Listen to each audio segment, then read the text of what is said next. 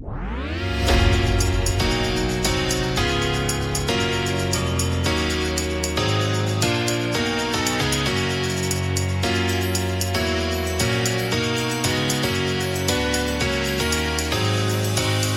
kör vi igen. Eh, Flink Otte, Bladets handbollspodd är tillbaka. Lite EM special igen då. Eh, vi kör ju normalt bara varannan vecka men eh, nu kör vi två veckor i rad.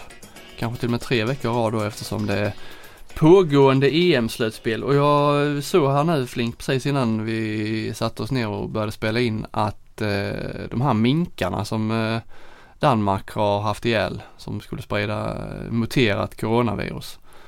Tydligen, har du läst något om dem eller? Nej, nej. Tydligen har de alltså, de har grävt ner de här mördade minkarna och nu har deras, eh, de släpper väl från sig lite vätskor då, som har tagit sig ner i grundvattnet i Danmark. Och då riskerar, och de har tydligen grävt ner dem alltså bredvid, alldeles i närheten av vattenverk. Ifall det var på Jylland. Så nu har det börjat sprida sig eventuellt då i grundvattnet. Jag vet inte hur riktigt det liksom, hur man får har man eh, dricksvattnet där, har det systemet funkar i Danmark. Men det låter ju inte sådär jättelovande nu. Eh, man får passa sig. Tar du inte det i Danmark och ska dricka någonting under EM. Någon som inte har läst det finstilta kanske? ja, ja, precis. Det måste man vara noggrann med Flink. Vi återkommer till det. Ja, det gör vi. Eh, annars eh, pågår eh, EM, eh, hur är det att bevaka EM eh, med teamsamtal och Skype-intervjuer eller hur, hur funkar det ens? Det, är, det funkar jättebra.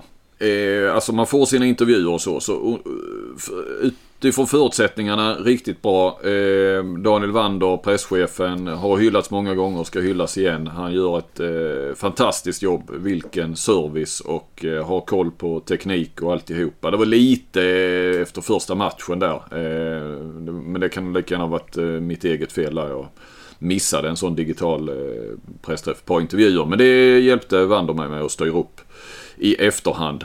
Det slår mig också att, eh, fan man var med på den tiden, nu låter man gammal, men det är faktiskt bara tio år sedan.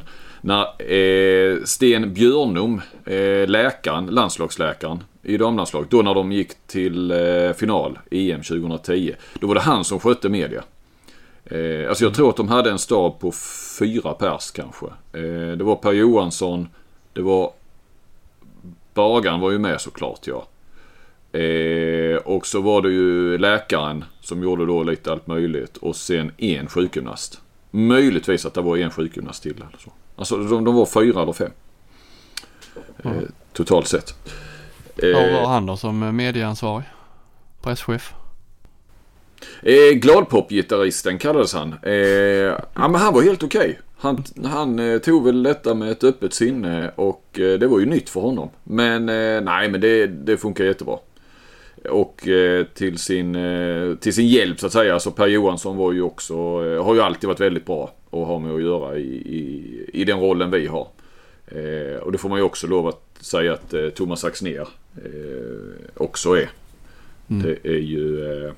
Nej, där, så på så sätt så har det fungerat på många sätt mycket bra. Men det är ju jättetråkigt för att jag märker mer och mer hur man går, själv går in i en EM-bubbla, ingen röd bubbla utan en vanlig mästerskapsbubbla när man är på plats och att man är... Det blir lite halvsplittrat när man är på hemmaplan. Eh, det är väl många fördelar med det men nu har man ju inte varit bortrest så mycket eh, det här året så att eh, på så vis så hade, känns det som att det kanske inte hade gjort så mycket för familjelivet eller vad man ska säga. Eller för, för ens egen del att om man hade varit hemifrån en vecka eller två och kunnat fokusera på ett mästerskap. För det, det är rätt skönt att göra det. Nu är det, det är mycket annat som pockar på och det är lite annat eh, nu i början här också. Fortfarande allsvenskan höll ju igång eh, in till helgen här. Så det var rätt mycket med det när man bevakar MFF också. Så. Du, eh, Vad säger du? Ja? Jo, apropå Per där så tänkte jag vi, vi kan väl bara liksom eh, kolla av läget där. Det är ju lite halvtid kan man väl säga.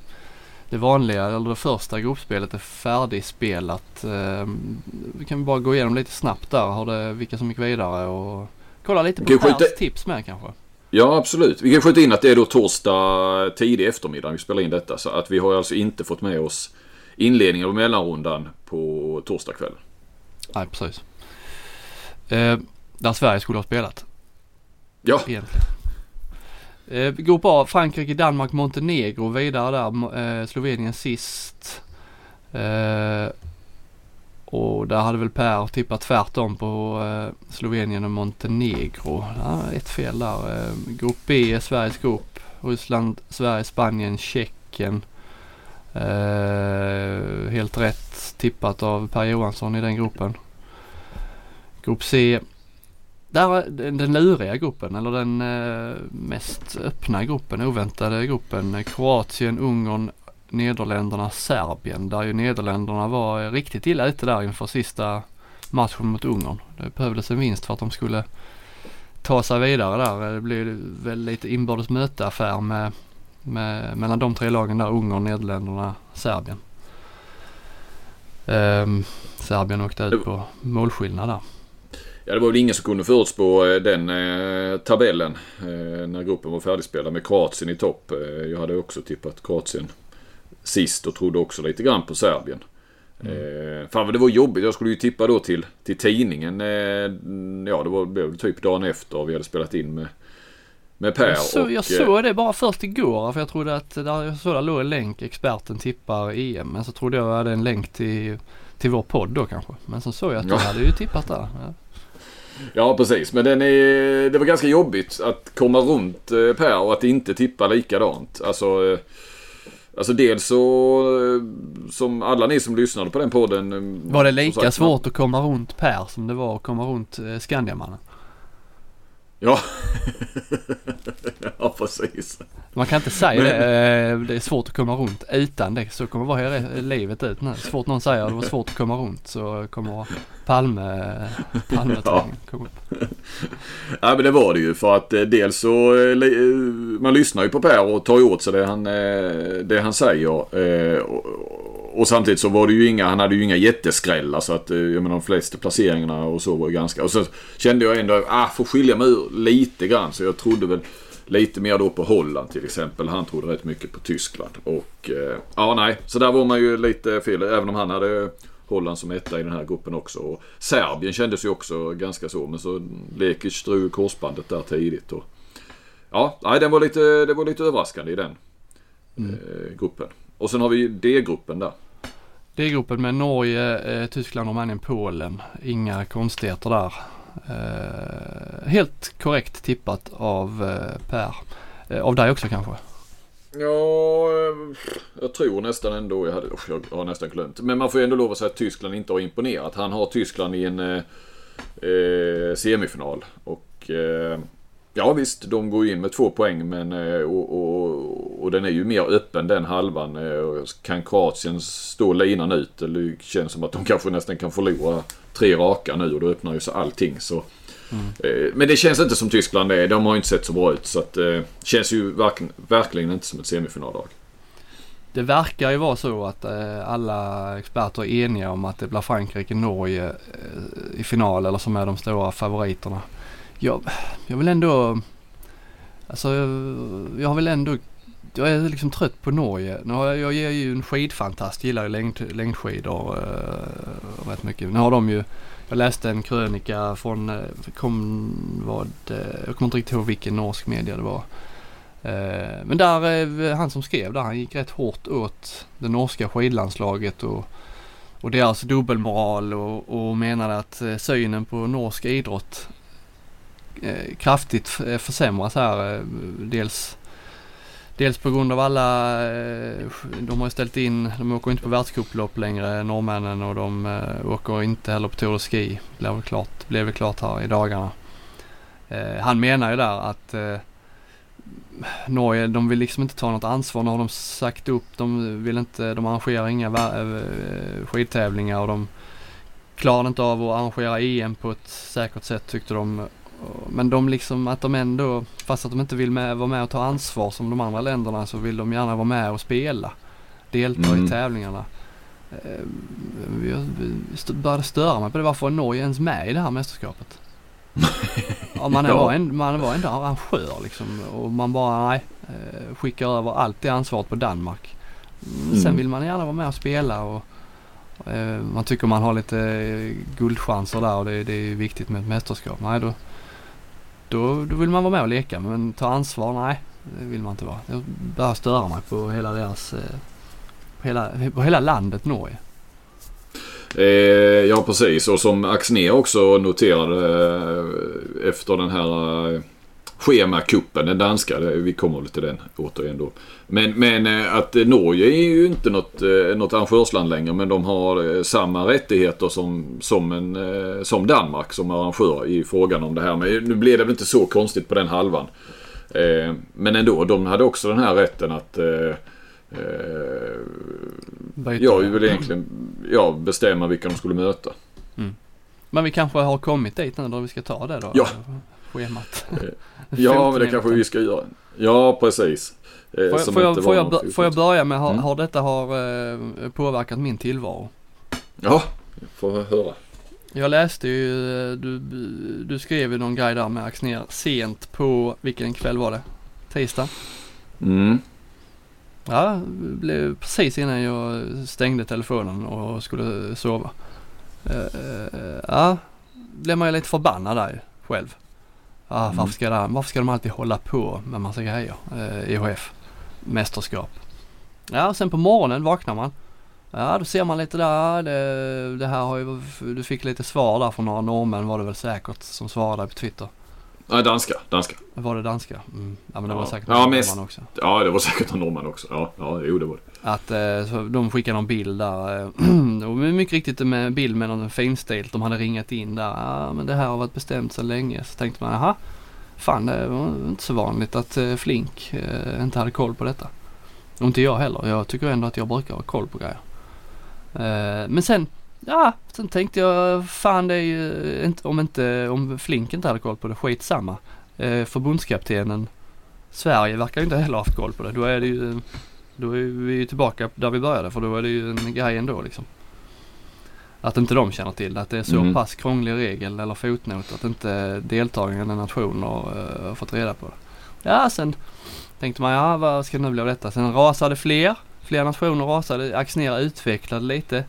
Uh, ja, nej det bestämde 2019 men så sent som på uh, uh, måndagskvällen efter Sveriges match så satte ju EHF upp ett spelschema på deras egna hotell.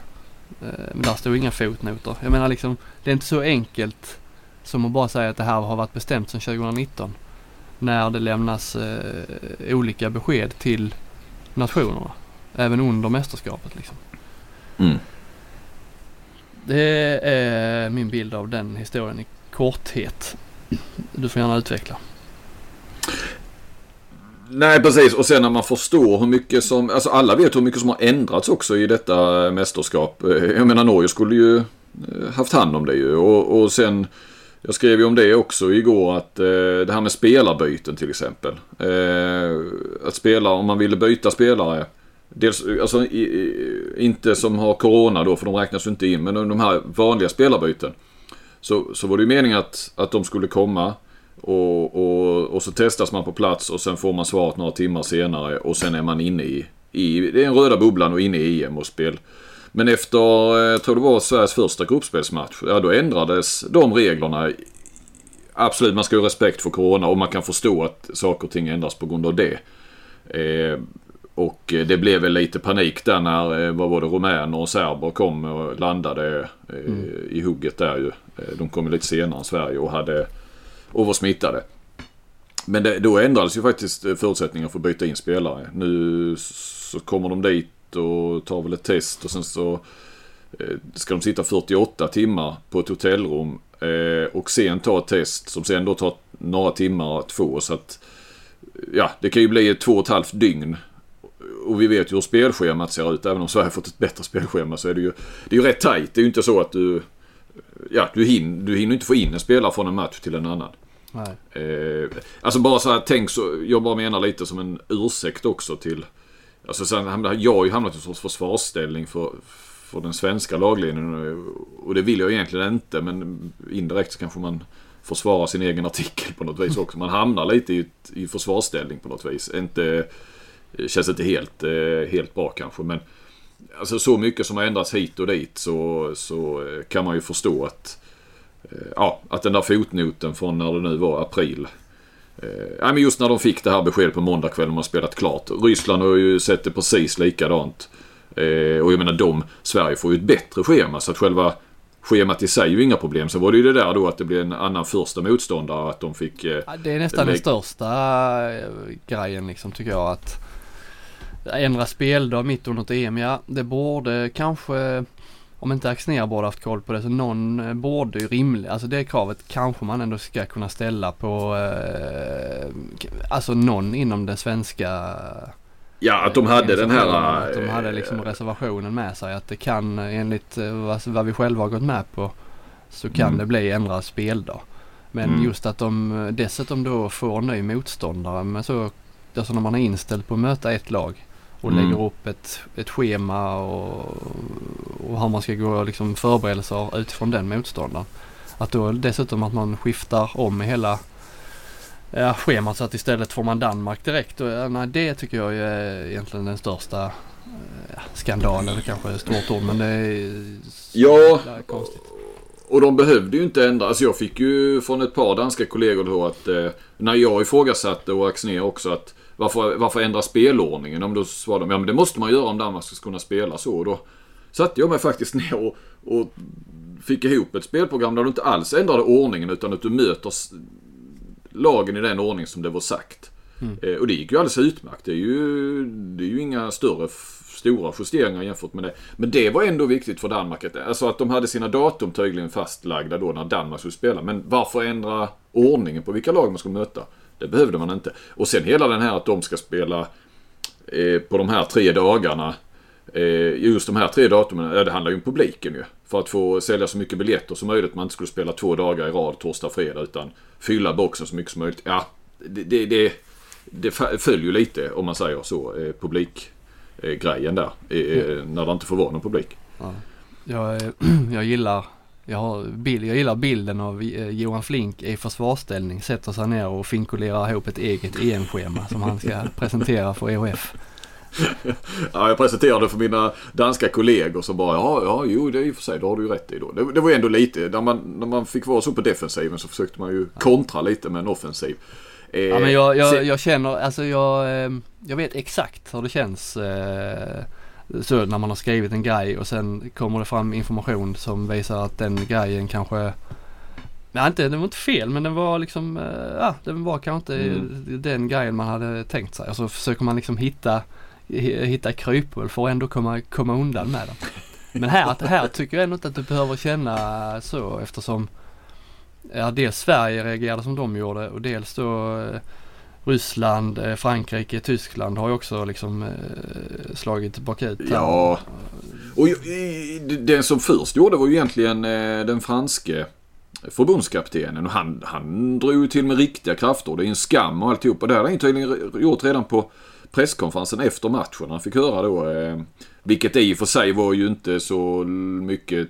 Det var ju en sen match så att Eh, Eh, klockan borde ju varit vid 10-tiden och sånt där. Men jag undrar om det rapporteras för jag såg inte det från, på extrabladet på morgonen eller förmiddagen sen och, och det stod att den var skriven kvart över nio. Så det kändes som att det var ingen som jag vet inte, det, det var det säkert. Det finns säkert L'Equipe och de här kanske har snappat upp det. Men det kändes som det var ingen som...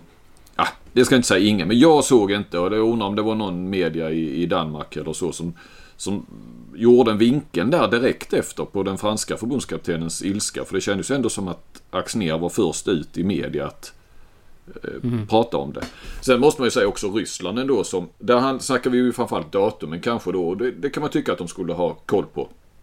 Men de, de får, eh, enligt dem får de på måndagskvällen då när de har spelat färdigt gruppspelet samma information som Sverige att det är det här schemat som gäller. Okej, okay, vi ska spela på fredag.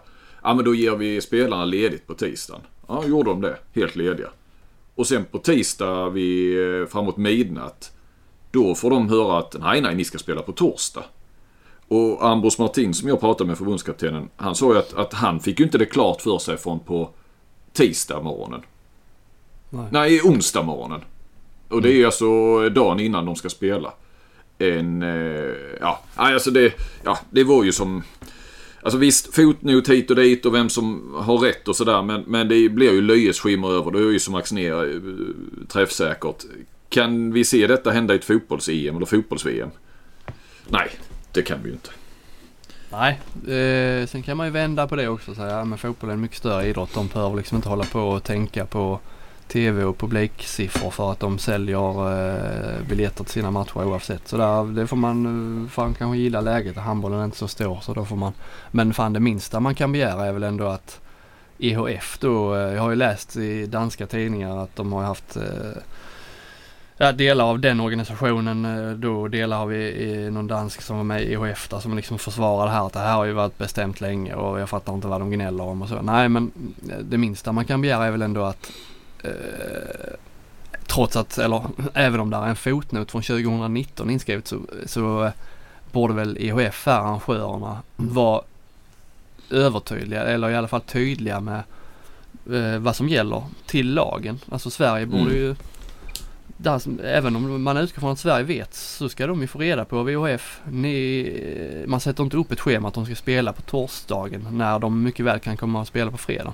Då är man tydliga och säger till Sverige som det sa att nu spelar ni på torsdagen men om det här och det här händer så är det fredag som gäller. Nu verkar det här mm. bara vara man, det tycker, jag tycker inte man ska utgå från eh, som arrangör att att, eh, eller man kan kanske utgå från att folk känner till minsta lilla detalj men under ett mästerskap så, så kan man vara, eller måste man vara tydlig. Då kan man inte vara otydlig och sätta upp felaktiga spelprogram på lagens hotell. Det är liksom eh, uselt.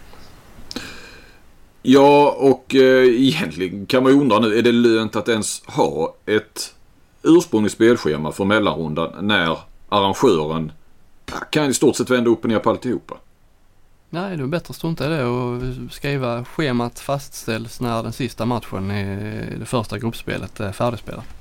Ja, precis. Det kan bli matcher på torsdagen och det kan bli matcher på fredag. Det vet vi, eh, det vet vi senare.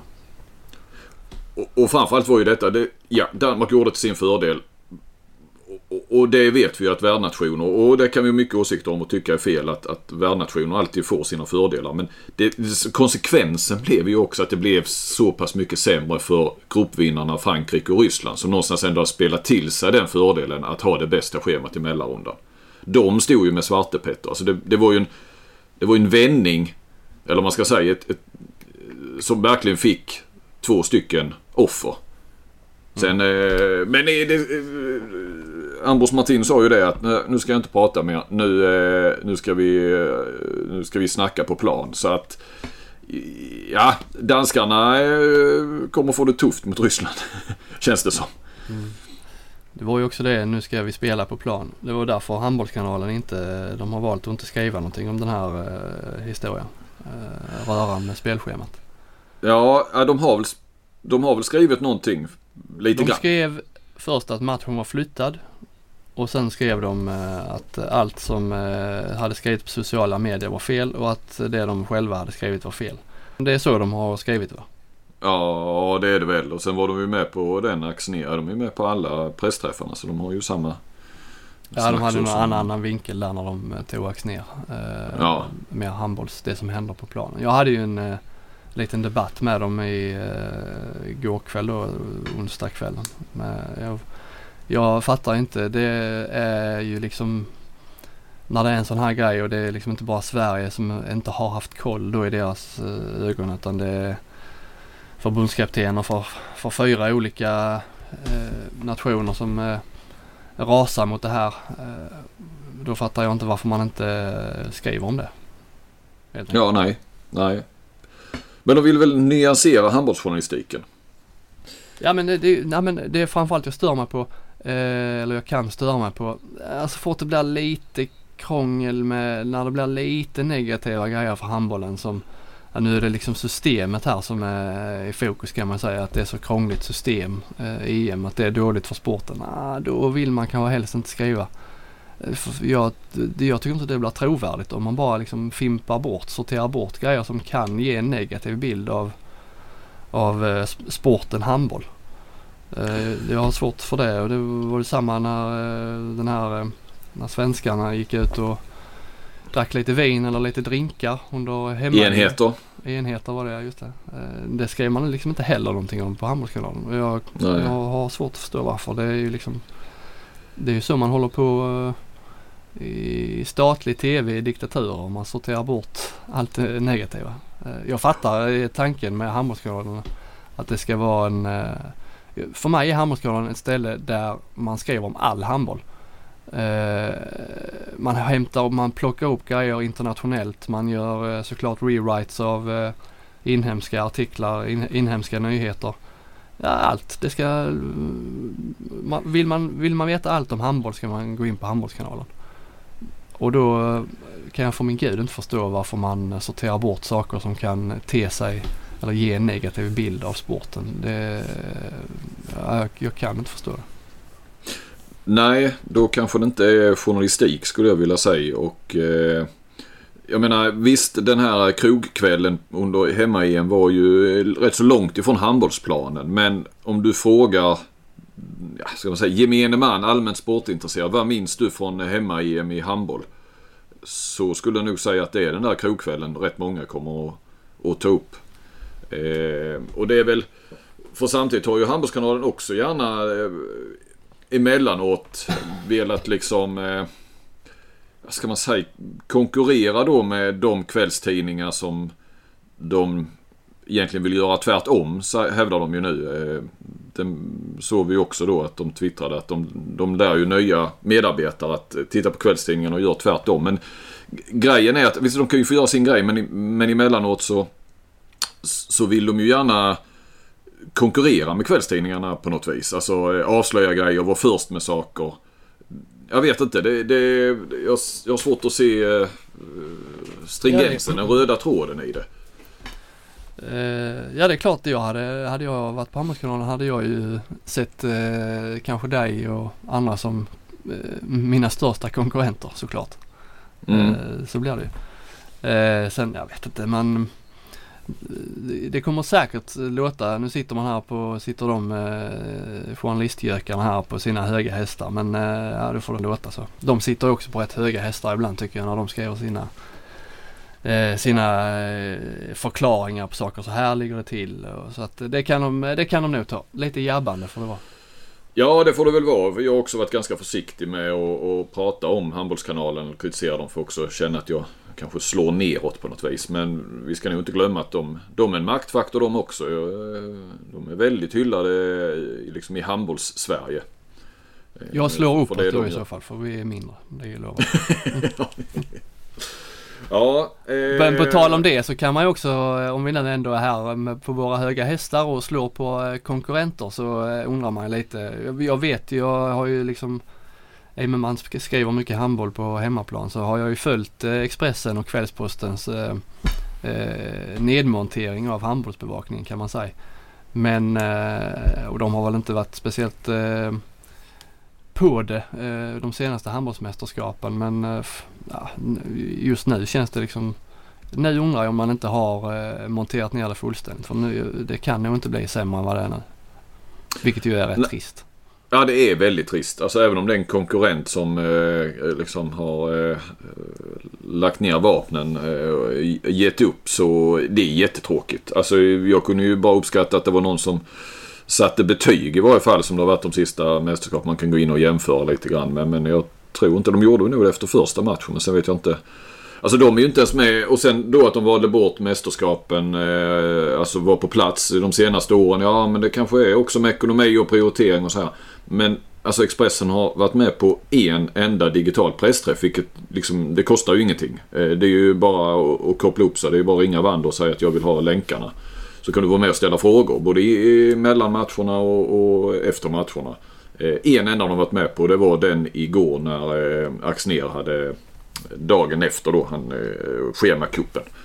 Eh, och det, ja, det är sorgligt för att Visst, du har Expressen eh, Stockholmsbaserad. Eh, men du har ju GT och Kvällsposten i riktiga handbollsregioner, Skåne och Göteborg. Eh, att, att inte... Det är ju tre tidningar. Att det inte att det inte finns någon som brinner mer för det? Eller eh, finns det ingen reporter som vill? Eh, eller finns det det och då hålls tillbaka och, och förbjuds jobba med det eh, av eh, chefer? Jag, ja, jag förstår inte det. De är ju trots allt den näst största tidningen så... Eh, ja, det, det är jäkligt trist. Hur många, du behöver inte sortera ut tidning för tidning, men hur många, hur mycket svensk media är det med på de här digitala pressträffarna? Det är lite lurigt för att man när man, det är ju sådana här teams och så du ser ju bara initial och sen kan man, får man ju gå in med muspekaren över där för att se. Men Grimlund är ju oftast med. TT är, är ju alltid med. Eh, det var ju lite fler då med Axner igår. Då var ju, jag vet inte, Radiosporten kör ju också något men de kör ju lite vid sidan om där. Och Vandor, han har ju med sig någon radio. Ja, jag såg eh. det på Instagram på landslaget där, för det var någon som hade instagrammat ut en ja. sån här story. Att de satt med någon radioutrustning där. Tänkte, har de smugglat in det i landslagstruppen eller? Nej, men det är... De, det handlar om ljudet för att Radiosporten ska få det, det perfekta ljudet. Ja, det vet ju du allt om. Du, farbror Barbro. Eh, så, så har han med sig den eh, tekniska apparaturen då, Wander. Det där hade ju Sten Björnum aldrig fixat. 2010. Eh, inte det heller kanske? Nej för fan, inte 2020 heller. Hade jag inte löst det. Eh, Paul Syra eh, har jag fattat det som är ju på plats. Eh, och kommenterar väl. Eh, men han får inte heller träffa spelarna så att istället för att vara med på Teams eh, där ljudet inte blir så bra och så, så är, är han, eh, har Wander den där, ja en ryggsäck, en radioryggsäck eller man ska säga. Sändningsutrustning. Din kollega Marcus Leif gick ju hårt åt de här quizen som vi har satt kör efter matcherna med spelarna. Tyckte det var ja, du har inte sett? Ja, de kör ju... Eh, där är någon ja, ja, jo, jo, jo, det har jag, jag har inte sett Leifbys. Men de där har jag sett lite grann efter matcherna ibland. Jag... Du länkar ju till Leifbys krönika själv på din Twitter. Ja, men då läste jag. jag läste den, men jag kanske inte läste så noga då. Ja, han skrev någonting om att det var usel, usel TV. Jag tycker det är rätt roligt faktiskt. Jag har uppskattat de här quizen. Ja, suttit ja. med och så har man själv kunnat svara på frågor. Det är kanske ingen, liksom ingen världsjournalistik men eh, fan det är sent på kvällarna. Man behöver något att koppla av med efter matcherna. Jag tycker det var trevligt. Det, det, det jag bara kände är ju, för, som jag förstod ju allt detta, den här quizen är inspelad innan EM började. Att när jag, när de hade förlorat mot Ryssland där så Eh, alltså det här ser jag ju i efterhand när jag har jobbat klart och, och varvar ner lite grann så, så brukar jag kolla lite och det kan vara intressant att se vad säger Frändesjö och Alm om matchen och om man har legat rätt i sin krönika och så vidare. Det är ju jätteintressant för en annan att höra deras analyser. Mm. Men då, då handlar det ju om, ja de håller väl på någon halvtimme och det är reklam och allt möjligt. Men det liksom 20 minuter efter förlusten mot Ryssland, om det nu var 20 minuter. Så ja, då, då sitter Anna Lagerqvist och Linn Blom och, och, och garvar i, och kör ett quiz. Eh, det, det, blir ju lite... Ja, det kan landa lite fler. Så, det kan det ja, det kan landa lite fel i fel sammanhang på något vis. Men de gäller ju att fylla ut eh, sändningstiden de har. Ja. Eh, och Frändesjö och Alm får väl ändå hyfsat mycket utrymme. Så att eh, det kan man väl Även förstå. om Frändesjö, han ser inte ut att vilja ha något utrymme. Han kryper liksom ihop och försvinner ner i sina anteckningar. Men eh, ja, när han väl tar sig utrymme så tycker jag, eh, tycker jag han är bra. Ja. Ja, och eh, Alm gör väl också det bra. Ja, nu blir jag lite så, man kanske ska såga Norge för mycket. Han bor väl där va? Frändesjö? Ja, ja, ja. Men vadå, du, du kan väl såga Norge fast Frändesjö bor Ja, men um, jag vill inte stöta mig med Martin Frändesjö. ja, men han är ju han är svensk fortfarande. Ja. Ja. ja. ja, nej men nu har vi, eh, nu har vi eh, egentligen bara mm. gått igenom Sveriges insats så här långt och den har vi inte varit inne och tassat på. Eh, vi Nej, är trots allt tvåa i gruppen före Spanien då eh, tekniskt sett. Nu går båda in med en poäng till mellanrundan men eh, ja, vad säger du som har ändå följt eh, närmare än vad jag har gjort? Det har varit svårt att bedöma Sverige. Svårt att landa till exempel bara så att man ska sätta betygen som då ska vara individuella betyg och samtidigt så någonstans när man tittar på dem så får man kanske liksom, det får inte bli sammanlagt för lågt eller sammanlagt för högt eller ett snitt då. Så det, det får man justera lite grann. Men det, det, det är inte så, det är ju inga 5 plus-insatser. Eh, och tittar vi ändå på förhand, men då var ju Spanien inte de har inte varit så bra som man trodde. Och, men att vi ändå är vidare, nu säger jag vi, men ja det får man väl göra mm. ibland då. Men, men Sverige är vidare med, med en poäng från den här gruppen. Jag befarade att det skulle vara noll poäng. Och ändå så är det ju ingen som... Alltså det är ju några som har gjort, vad är det Blom, Lindblom var bra första matchen. Ja men risk här nu. Emma Lindqvist var bra de två förra. Jag har satt eh, tre, fyra, fyra kanske. Eh, nästan fler ettor totalt sett. Eh, om, om, om det nu är något tecken. Alltså det, det har inte varit, det har inte varit någon ingen lagdel eller del i spelet som fått en fullträff. Ingen spelare som har fått en fullträff. Det var det ju ändå på VM senast, även om det var kanske lite kalanka motstånd emellanåt och, och, och någon gjorde helt plötsligt en massa mål. Men, eh, för det var ju problemet att de turades om att göra bra matcher. Eh, eller kanonmatcher till och med. Men det har det inte varit här och ju rätt mycket som fortfarande kan bli så mycket bättre i det svenska spelet. Eh, målvaktsspelet mm, behöver ju bli bättre. Ändå har man eh, en, en poäng med sig från, den, från den här gruppen och ja, har bara förlorat en match och som jag står fast vid. Jag tyckte det var Sveriges bästa insats var mot Ryssland. Sen visade det sig att, att den ryska, ryska målvakten tog kanske fem, fem skott tror jag. Så att Sverige vann ju den målvaktsmatchen och sen förlorade de den de hade hälften så många räddningar som Navarro mot Spanien och fick ändå oavgjort med. Men de borde ju ha vunnit den. Så att det där målvaktsmatchen har ju inte stämt överens som det annars brukar göra med slutresultatet. Eh, målvaktsspelet eh, har alltså inte riktigt stämt. Kontringar har du nästan inga alls om vi snackar första fasen, de här enkla målen. Kanterna, ja det var 20 minuter kanske mot Ryssland där så, så visst det var ju den senaste matchen då det kom igång får man ju lov att säga och det vet jag att jag skrev också att nu är det igång. Men sen när jag tänkte till lite så var det väl framförallt under period då när Ryssland var rätt mycket utvisade också. Det var nästan 6 mot 5 ganska ofta där är ju några, jag menar Sverige ska väl vara eh, för, målvakt, försvar, kontring. Eh, eftersom frågetecken för det eh, uppställda anfallsspelet så var det ju inför EM.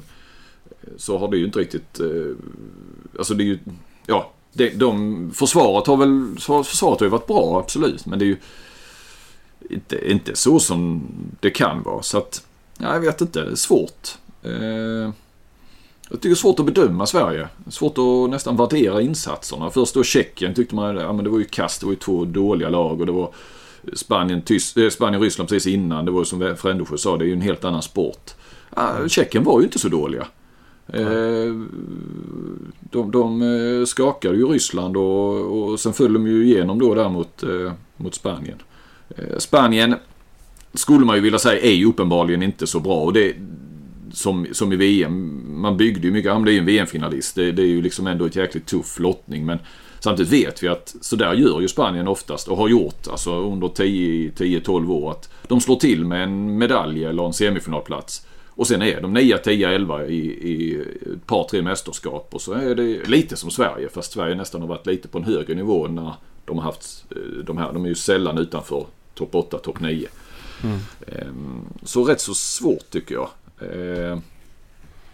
Alltså vägen till semifinal är ju rätt så krånglig. Eh, den börjar ju, det kan ju vara, ja, alltså först och främst måste man slå Danmark här nu på fredagskvällen. Eh, sen är det ju då, det är ju liksom inga Ryssland har vi redan förlorat mot och så är det då Frankrike som kommer in med fyra poäng. Någon av dem måste ju eh, stå för rejäla tapp liksom. Eh, det är tre poäng Sverige eh, måste ta igen på, ja, på några plus inbördes på Ryssland. Så du måste ja. ju förbi dem poängmässigt. Eh, om du inte hamnar i en sån här tre, trelags inbördes.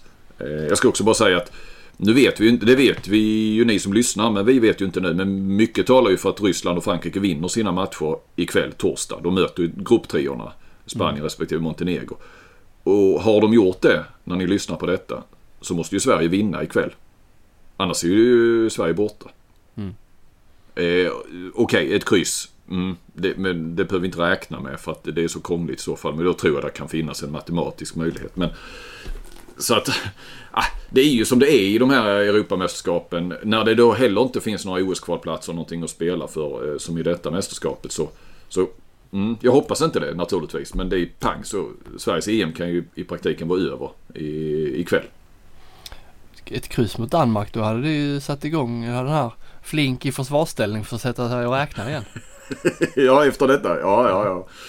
Ja, då ska ju väldigt mycket gå, eh, gå Sveriges väg och det, är ju svårt att tro. Ja, men det enklaste är väl ändå att vi hoppas att eh, Ryssland eh, slår Frankrike och Sverige slår Frankrike. Ja, Sverige vinner sina matcher då, helt enkelt.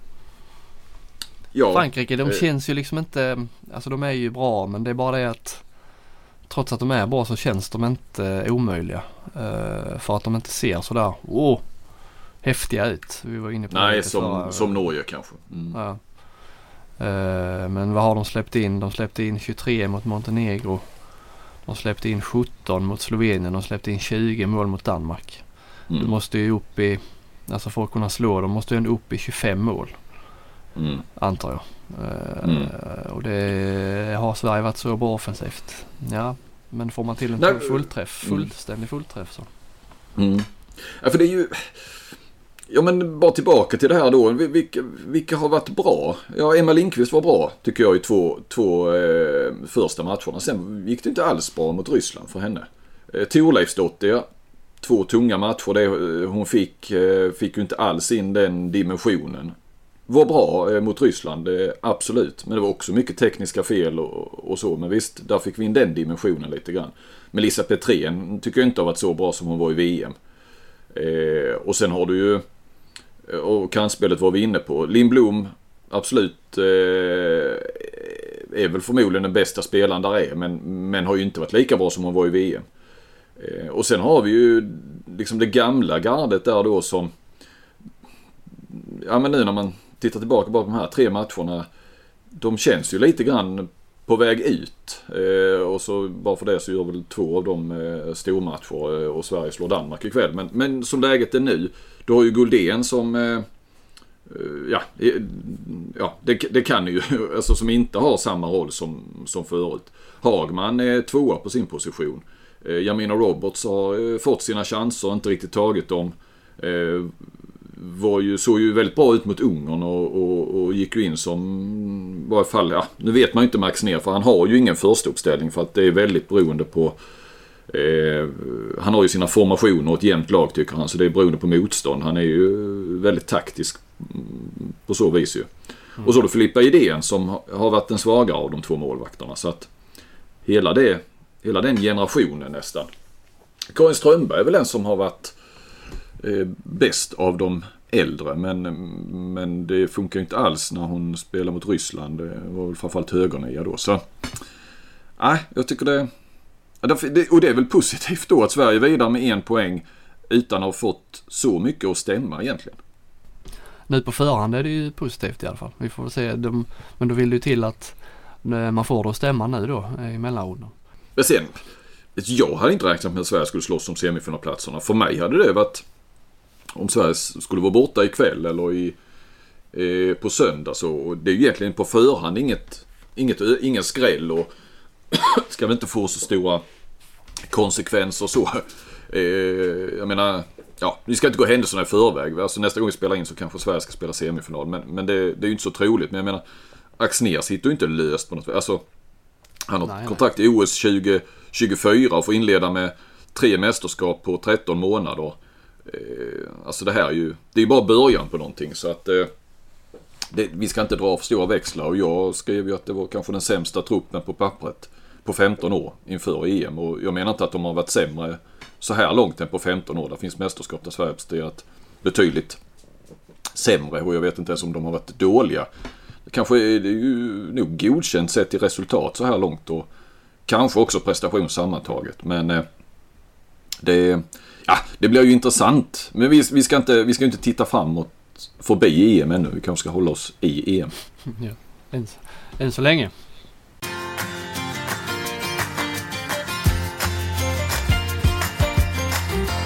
Eh, ja, Flink, det är ju på hemmaplan. Alltså mitt fokus har ju inte varit så mycket handbolls-EM. Det har ju varit eh, det är ju intensiva dagar i eh, handbollsligan då på här sidan rullar på och inte minst då för eh, Kristianstad som, som jag då främst bevakar och som ju har eh, faktiskt ramlat ner till sjunde plats i tabellen. Sjua ligger de Mm. alltså. Ja men det är ju många, många toppmöten känns det som. Och så vänder ju serien samtidigt också. Eh, eller vad nu som är toppmöten då. Det är det kanske inte om man är sjua i tabellen. Men, ja men Ystad-Kristianstad är ju lite en klassiker. Och Vad har det varit mer? Det är Sävehof, Alingsås och Sävehof Skövde har ju med haft dubbelmöte här nu. de hade dubbelmöte. Ja precis. Eh, Och vi Lugi har ju varit i farten med, mot Ystad och Malmö dubbelmöte. Ja, ja. Så att, eh, nej det förstår jag att ditt fokus har legat där lite grann. Nu är, i och med det är 15 lag här i handbollsligan så alla möter alla en gång. De här dubbelmötena blir ju bara på ett år har de här dubbelmöten. Det är rätt festligt alltså när man eh, när lagen möter varandra back to back som man säger i hockeyn. Eh, Ja, ja precis. Ja, och vi ju- slipper poolspelet. Alltså varje match är ju lite mer värd nu också. i ligan. Ja, ja. ja och så då särskilt då när Kristianstad fick storstryk hemma mot Ystad. Eh, man blir ju rätt mycket mer sugen på att se då returen där nere i Ystad några dagar Mm. senare.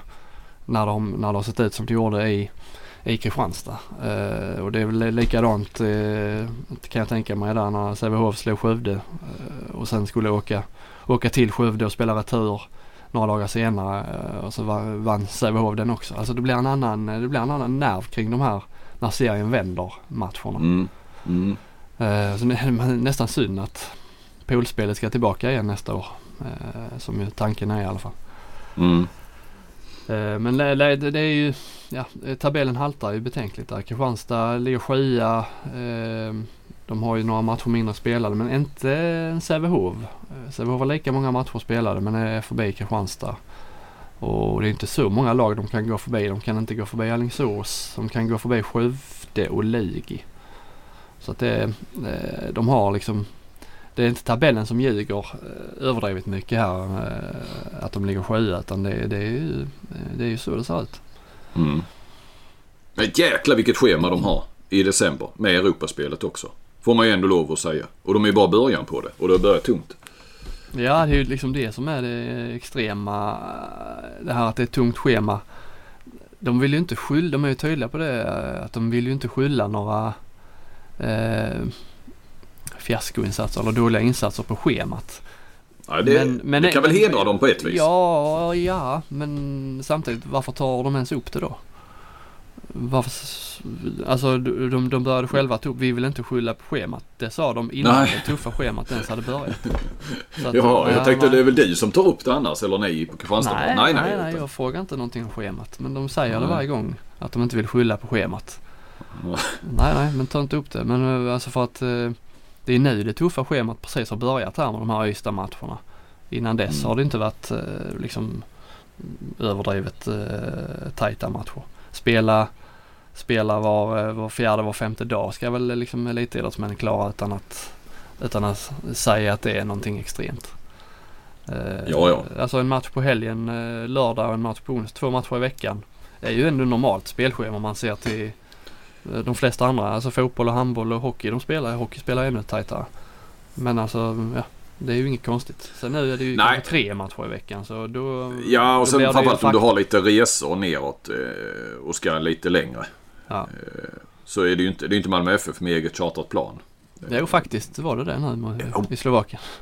Okej, ja. Fast de blev ju då tekniska problem med planet på vägen hem så de blev väl, eh, vad Ja, blev de, såklart. 12 timmar försenade tror jag. ja. Det är väl inte eh, optimalt kanske. Ja, det var ju intressant det att de tar upp att de tar upp det tajta spelschemat men är noga med att inte skylla på det. Det låter som att, att, ja men precis, då gick jag ju i den fällan nu egentligen.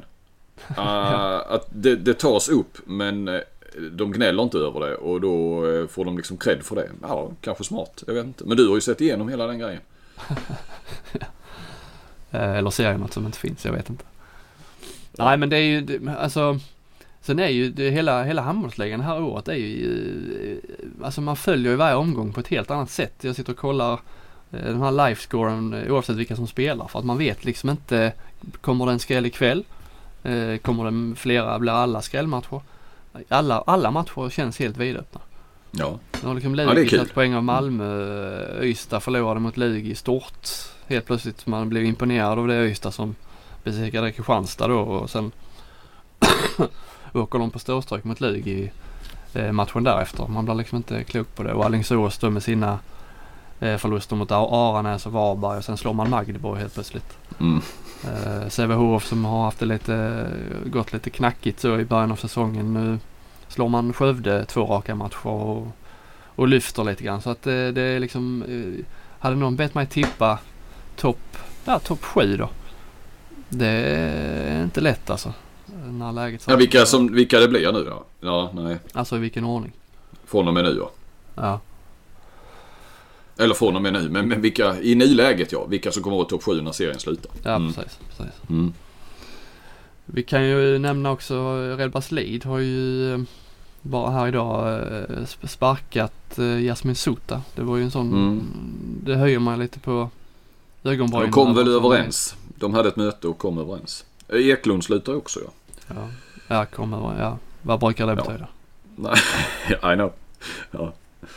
ja, ja, men det är ju så det heter. Jo men det är ändå liksom, det är inte vem, Sutta är inte vem som helst. Eh, det är inte en tränare de har tagit in utifrån som, Nej, nej. som eh, utan det är ju en eh, RIK-profil in i själen liksom. Och, Mm. ja, nu skriver de ju där att de ska, eller att han ska fortsätta att jobba inom klubben. Så brukar man ju å andra sidan också skriva eh, när man har ett, en, ett kontrakt som man gärna inte vill eh, betala ut pengar i, till i onödan. Jag har lite svårt att se varför de eh, varför de gör sig av med, med Sutta eller varför nu samarbetet bryts. Alltså det är ju de har tagit 9 poäng på fem, 15 matcher. Det är ju inget, eh, inget bra facit men det är ju samtidigt inget kan man förvänta sig så mycket mer av den truppen? Eh, Nej, lite, lite kanske mer, men, men det är ju inte så heller att de, de har inte inlett med nio förluster och ligger på två poäng eller sådär. Det, det är ju ingen... Nej, det, säg att de kanske... Jag, vet, jag kommer inte ihåg vad jag tippade dem, men de hade ju inte dem på... Alla har ju trott ändå att de skulle få det tuffare. Eh, Det är ju sällan vi har trott att de ska- på senare år att de ska gå gå nå slutspel och nu tänkte man att det kanske fanns risk för kval och, och, och, och nu har de trillat ner ja, under det strecket också men, men det är ju ingen... Det, ja, det går inte att peka på liksom, så här, katastrofresultat. De, de, de kanske är några poäng sämre än vad de borde vara. Ja, men samtidigt slår RIK slår inte mig som en klubb på senare tid som tar sådana här drastiska beslut. Eh. Utan att det är liksom väl genomtänkt. Men nu ska de då enligt Göteborgs-Posten ha haft eh, något möte här på onsdagskvällen och sen eh, innan dess har det aldrig varit, eh, har det aldrig funnits, kommit på tal att de skulle sparka honom. Man bara får, får nästan känslan av att det är någonting, eh, liksom, ja eller här kan han själv som inte har, har eh, Ja, att det är som att de har kommit överens och inte bara att det här vanliga att man säger att man har kommit- överens om det gemensamt men att det är själva verket får sparken. Det kanske är, i det här fallet är det kanske ett gemensamt. Mm. Men jag tyckte det var oväntad eh, om man hade tippat inför säsongen vem som skulle få sparken först så hade jag ju aldrig sagt eh, eh, Sutta. Nej, nej verkligen inte. Och med det Flink så, så är vi färdiga för idag. Ja men det är vi va. Och så får, Eh, laddar vi för nya EM-matcher och eh, så siktar vi väl på att vara tillbaka om en vecka och så eh, är mellanrundan spelad och vi står inför semifinaler och eh, ja, drömmen om en svensk semifinal lever ju fortfarande men eh, jag tror ju inte att, att det kan gå. vi får se. Tack för idag. Tack! Tack för att ni lyssnade. Hej!